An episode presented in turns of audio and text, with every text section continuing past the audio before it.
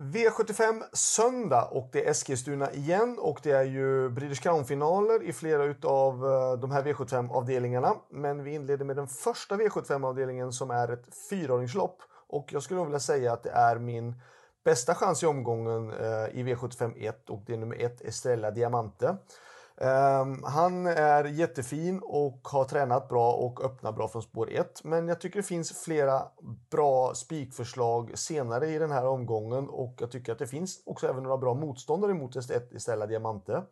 Ehm, uh, 4 Mercedes Hall, 6 Vinci Love, 7 Teus och 9 Grand Tall. Så 1, 4, 6, 7 och 9. Avdelning 2, nummer 3, Lara Bucco är ett bra spikförslag. Hon har varit jättefin, hon var jättefin i försöket. Att hon har sport 3 bakom bilen är ju inte en nackdel heller. Värsta motståndare är nummer 1, Glamorous Rain och 2, Great Skills. V75 3 är ett storlopp med tillägg och eh, bästa hästen tycker jag eh, på förhand ändå ett tänkbart spikförslag men jag skulle ändå säga att vi ska gardera det här loppet jag tycker att nummer 11, Vacka Vacka, är jättebra. Och sen att hon har ett springspår på 20 meters tillägg eh, tycker jag också såklart är jätteintressant. Motståndsmässigt så tycker jag ett Luxury River är jättefin häst. Eh, kanske tre Angel of Tricks, självklart nummer 4 Marabou Brodda. 5 eh, The Rocket, 9 All Starlicious och 15 Edima. Så att 1, kanske 3 och, och sen 4 då. 5, 9, 11 och 15 i avdelning 3. Avdelning 4, spik på nummer 4 Francesco Zet. Det är dumt att krångla till det. Han är jättebra. Sen att nummer 2 Isno Godam är struken. Det är klart att det banar ju, banar ju vägen ytterligare för 4 Francesco Zet.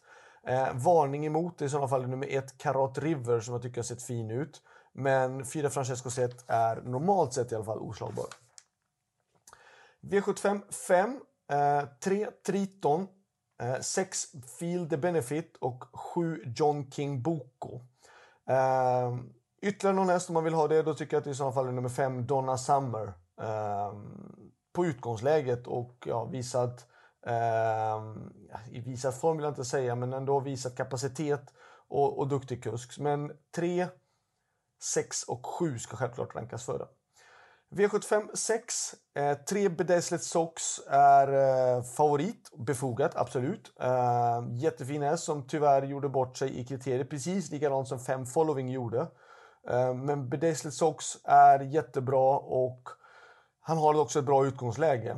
Eh, senast han galopperade hade han spår 1 bakom bilen och det krånglade han till det. Nu har han spår 3 vilket är ett bättre spår att ta sig iväg ifrån. Och ja, Bedazzled Sox är ju en tänkbar spikförslag såklart.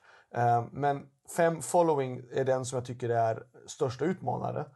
Um, vill man ta ytterligare några hästar och gardera på ändå, då tycker jag 6 Quackaholi och 10 Monastery Boko fina. Monastery Boko satt ju fast med en hel del krafter kvar över mål senast och Quackaholi besitter ju hög kapacitet.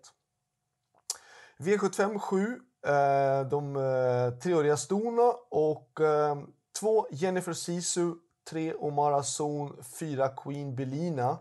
6 Kyla Westwood och 9 Aurelia Express. Det är de jag tror det står mellan 2, 3, 4, 6 och 9 i avdelning 7.